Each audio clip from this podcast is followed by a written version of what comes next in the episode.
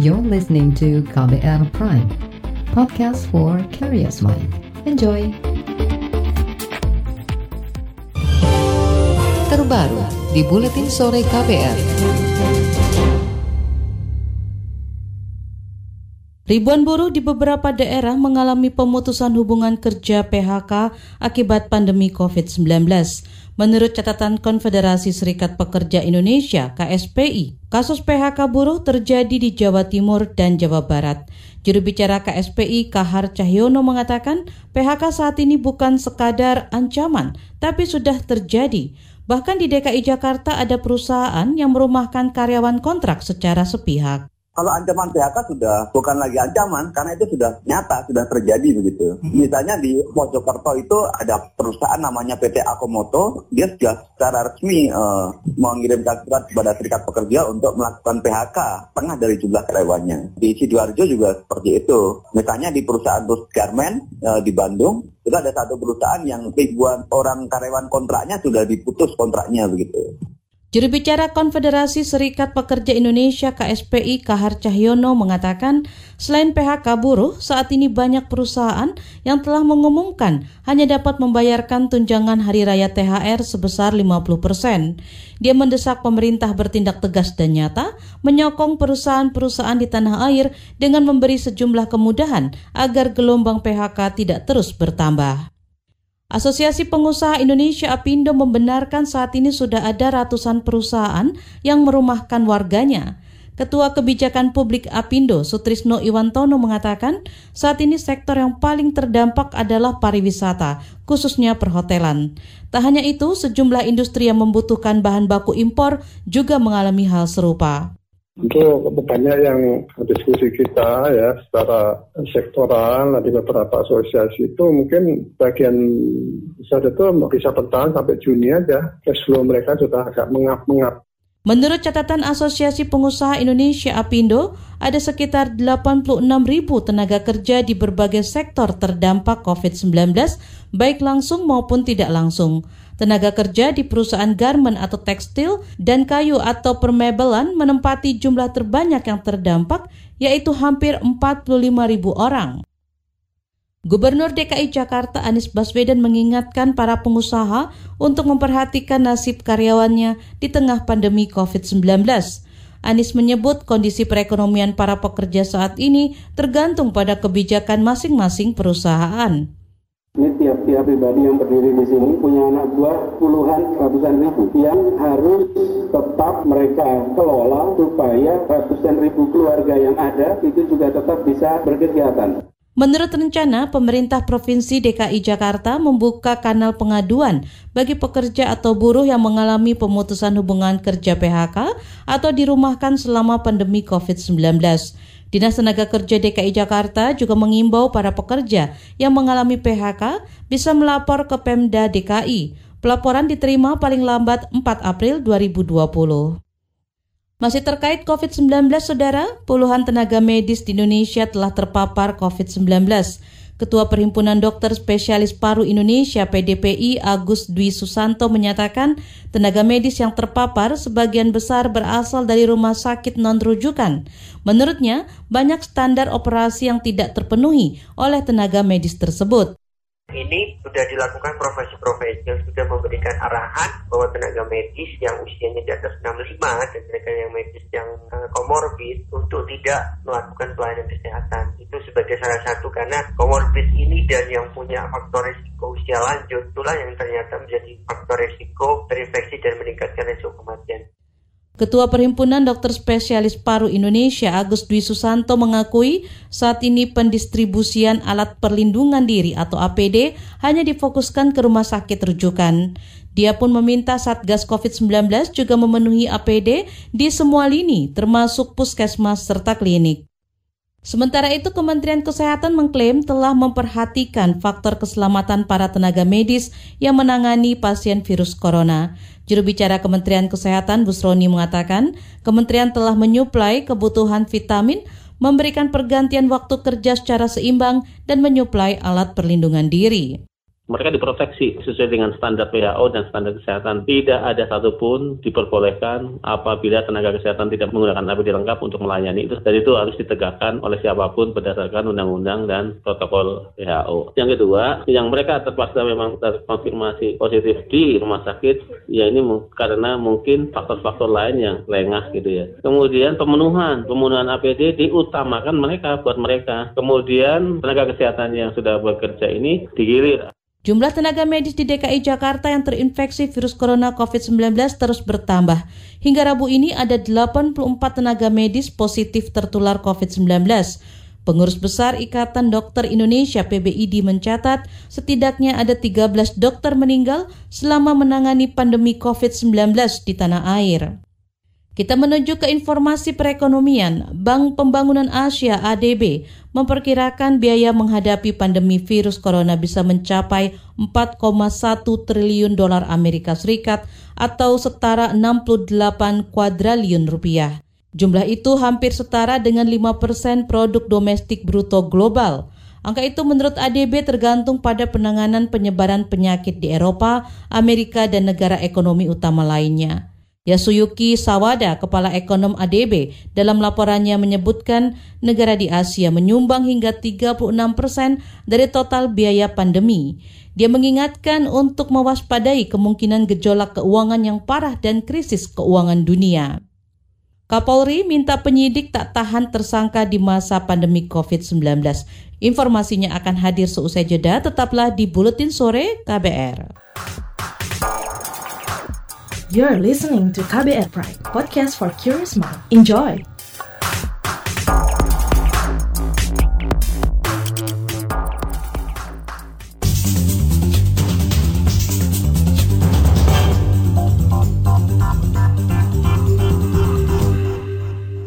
Mabes Polri meminta seluruh anggota polisi dari tingkat Polda hingga Polsek tidak langsung menahan tersangka pelaku tindak pidana Menurut juru bicara Mabes Polri, Asep Adi Saputra, Kapolri Idam Aziz telah menginstruksikan agar para penyidik lebih mengedepankan proses hukum secara normatif. Hal tersebut dilakukan untuk mengantisipasi kepadatan tahanan di tengah mewabahnya COVID-19. Sudah ada petunjuk dari Bapak Kapolri bahwa jajaran kepolisian dalam melakukan penanganan tindak pidana ini sangat selektif dan secara khusus yang berhubungan dengan penentuan penahanan dalam sebuah proses penyidikan itu dijadikan sebagai upaya yang paling terakhir. Artinya diharapkan seluruh jajaran kepolisian, khususnya para penyidik, tidak dengan mudah untuk melakukan penahanan. Jadi proses penahanan adalah merupakan suatu proses yang harus dilalui dengan berbagai pertimbangan. Juru bicara Mabes Polri Asep Adi Saputra menuturkan, saat ini instruksi itu sudah disampaikan ke seluruh jajaran kepolisian dari level sektor hingga nasional. Pembangunan dan renovasi rumah sakit penyakit menular di Pulau Galang, Kepulauan Riau sudah selesai 96 persen. Panglima Komando Gabungan Wilayah Pertahanan 1, Yudo Margono mengatakan rumah sakit itu memiliki daya tampung 460 pasien. Rumah sakit Pulau Galang sudah bisa beroperasi pada awal pekan depan. Yaitu terdiri dari gedung observasi yang eh, berjumlah bisa menampung 240 bed, kemudian ada gedung observasi 250 bed dan gedung observasi 150 bed serta gedung-gedung lain sebagai pendukung ini bisa menampung semuanya 460 pasien apabila akan digunakan. Panglima Komando Gabungan Wilayah Pertahanan 1 Yudo Margono menambahkan, dalam waktu dekat Rumah Sakit Pulau Galang akan digunakan untuk memeriksa para pekerja migran yang datang dari luar negeri. Yudo mengklaim saat ini masih terus mengkoordinasikan pemulangan pekerja migran dari Malaysia. Kita beralih ke informasi lain, Saudara Presiden Joko Widodo menginstruksikan para pejabat di bidang energi segera mengatasi ketimpangan listrik di pedesaan. Menurut Jokowi, masih ada 400-an desa yang belum teraliri listrik dan tersebar di empat provinsi. 433 desa yang belum berlistrik itu tersebar di empat provinsi. Di Provinsi Papua 325 desa, Provinsi Papua Barat 102 desa, Provinsi NTT 5 desa, dan Provinsi Maluku 1 desa. Karena itu saya ingin menekankan beberapa hal. Yang pertama, untuk 433 desa yang belum Beristrik saya minta diidentifikasi secara jelas Presiden Jokowi juga meminta supaya pendataan desa yang belum dialiri listrik dilakukan dengan melihat topografi lokasinya, sehingga mekanisme untuk mengaliri listrik bisa disesuaikan dengan kondisi wilayahnya. Satu konsorsium dari banyak perusahaan di Inggris menargetkan untuk memproduksi 1.500 ventilator atau alat bantu pernafasan dalam satu pekan. Ventilator itu dibuat oleh dua perusahaan Inggris yaitu Penlon dan Smith Group.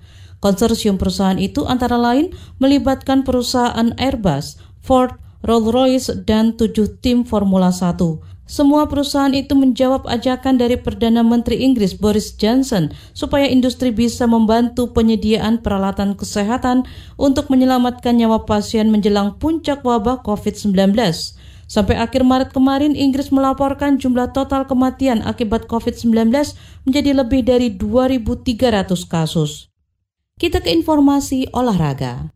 Klub-klub Liga Premier Inggris dihadapkan pada dua pilihan selama wabah COVID-19 melanda, yakni pemotongan gaji para pemainnya atau dikenai tarif pajak lebih tinggi di tengah pandemi. Gaji para pemain sepak bola per pekan berkali-kali lipat dibandingkan pendapatan tahunan rata-rata warga Inggris. Sementara itu pembicaraan antara Liga Premier dengan serikat pemain terkait kemungkinan pemotongan gaji itu sampai saat ini masih menemui jalan buntu. Kalangan parlemen Inggris sudah mengirimkan surat ke Kementerian Keuangan agar mengambil langkah tegas terkait gaji pemain Liga Premier itu. Laporan khas KBR tentang masker kain diburu, berkah baru penjahit rumahan akan hadir seusai jeda. Tetaplah di Buletin Sore KBR. You're listening to KBR Pride, podcast for curious mind. Enjoy!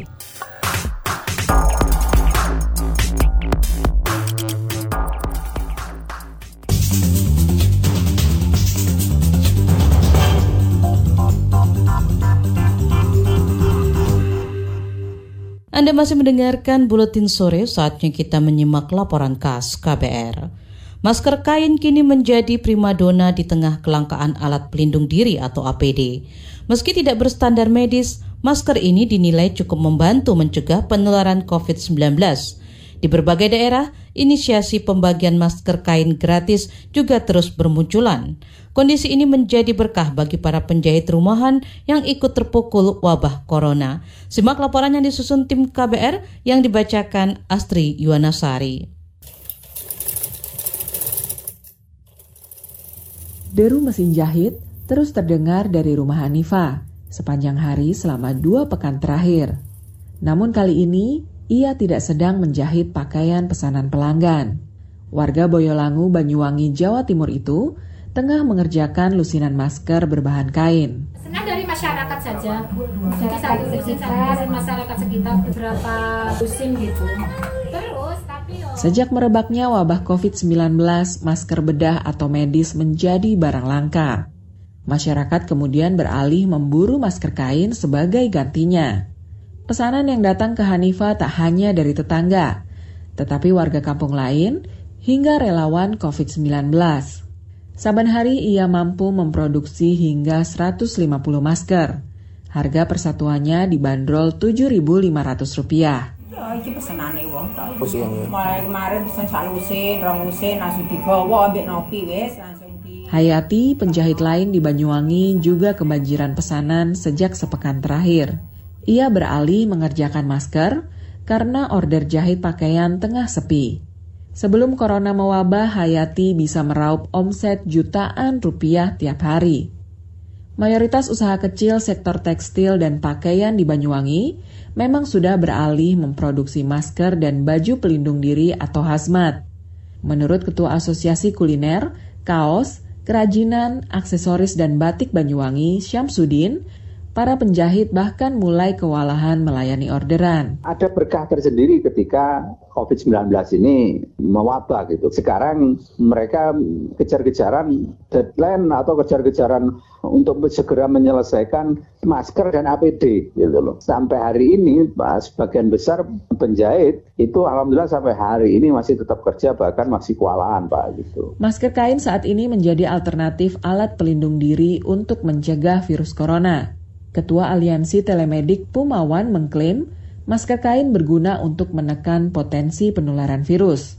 Ia juga memastikan masker itu aman dipakai berulang kali. Masker dari kain itu sebenarnya cukup karena uh, COVID ini kan menular bukan dari udara, ya, dari droplet. Jadi sebenarnya masker kain sepanjang dia sampai di rumah kita cuci, ya kan, besok ganti lagi dengan yang sudah bersih, tidak masalah itu. Sementara itu di Bogor, Jawa Barat, ada gerakan satu juta masker kain yang tengah digalakan. Salah satu pendukung utamanya adalah Ketua Tim Penggerak PKK Kota Bogor, Yana Ardian, yang juga istri Wali Kota Bima Arya Sugiarto. Yana menyebut pengerjaan masker melibatkan para kader PKK di desa. Anggarannya diambil dari hasil donasi. Menurutnya masker kain lebih ramah lingkungan dan bisa membantu mencegah penularan virus corona. Karena masker ini bisa dicuci. Uh. Kalau masker-masker medis oh, lainnya kan sekali pakai buang. Nah, itu kan tidak ramah lingkungan sebenarnya. Kedua adalah ini juga banyak ibu-ibu atau pelaku-pelaku usaha yang bisa menjahit, tidak ada kegiatan. Nah, di sinilah kita bekerja sama untuk memberdayakan mereka membuat masker kain sehingga perekonomian juga tetap berjalan di masyarakat sehingga e, bagi mereka teman-teman saudara-saudara yang punya rezeki berlebih bisa mensupport untuk membiayai pembuatan masker itu tentunya untuk dibagikan. Di Semarang, Jawa Tengah, pasien Rumah Sakit Jiwa Amino Gondo Utomo ikut terlibat memproduksi masker kain dan baju hazmat. Sebanyak dua pasien dan dua pendamping setiap hari bisa membuat 50 masker dan 10 unit baju hazmat. Direktur RSJ Amino Gondo Utomo, Alex Yusran ide kita ini sebenarnya berangkat dari keprihatinan dua minggu atau tiga minggu yang lalu bahwa kepastian stok APD rumah sakit kan tidak jelas. Ada sebagian pasien yang dalam tahap terapi pekerjaan itu kan di ruang rehabilitasi sosial itu kan ada keterampilan menjahit. Akhirnya kita sepakat coba diarahkan untuk membuat masker dan hazmat. Masker dan baju hazmat buatan pasien bakal digunakan oleh tenaga medis internal. RSJ Amino Gondo Utomo juga membuka layanan pemeriksaan awal atau screening terkait COVID-19. Demikian laporan yang disusun tim KBR, saya Astri Yuwanasari. Informasi dari daerah akan kami sajikan seusai jeda tetaplah di Buletin Sore KBR. You're listening to KBR Pride, podcast for curious mind. Enjoy!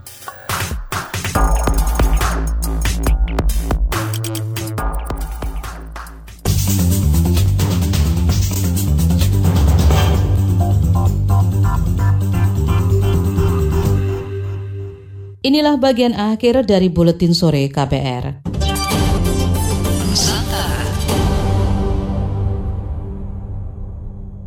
Kita ke Kalimantan Timur. Pemerintah Kota Balikpapan menggratiskan retribusi bagi 450 pedagang kaki lima PKL selama tiga bulan. Hal itu untuk mengurangi dampak COVID-19 ke perekonomian warga. Wali Kota Balikpapan Rizal Effendi menjelaskan selain pembebasan restribusi pedagang, Pemkot juga memberikan keringanan 30% untuk restribusi petak pasar kepada 3 ribuan pedagang mereka dibebaskan pembayaran retribusi selama tiga bulan, mulai bulan April, Mei, dan Juni. Pemerintah Kota Balikpapan juga memberikan kelonggaran waktu pembayaran pajak bagi dunia usaha, yakni hotel, restoran, dan tempat hiburan malam selama enam bulan ke depan. Dengan kebijakan itu diharapkan para pengusaha tidak sampai mengurangi karyawan dan dunia usaha bisa bertahan di tengah kesulitan akibat wabah virus corona. Kita ke Jawa Tengah, efek ekonomi lesu di tengah pandemi COVID-19, kasus pencurian di Kabupaten Rembang, Jawa Tengah merebak.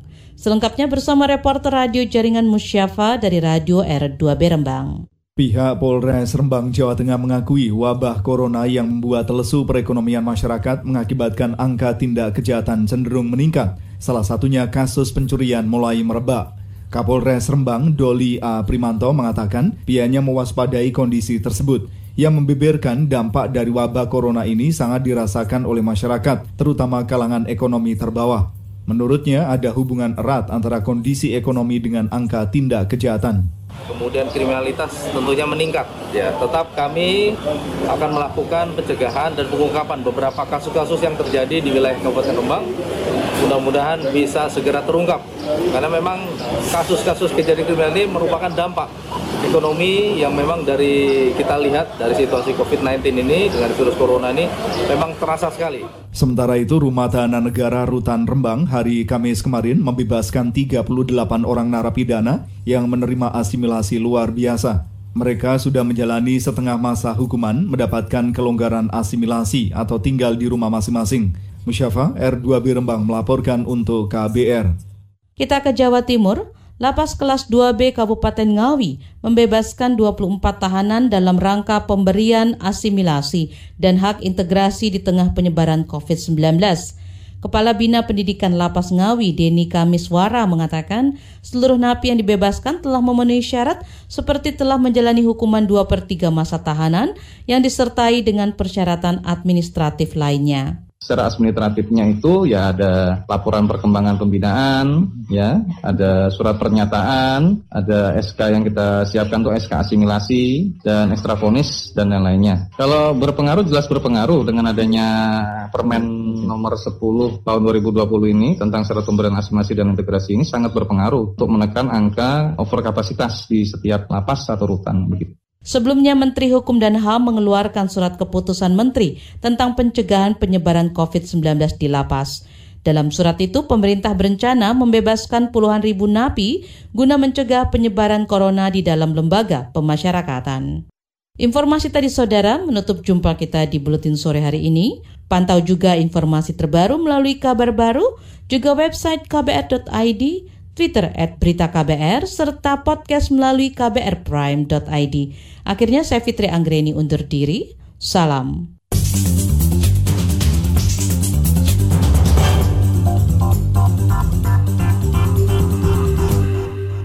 KBR Prime, cara asik mendengar berita. KBR Prime, podcast for curious mind.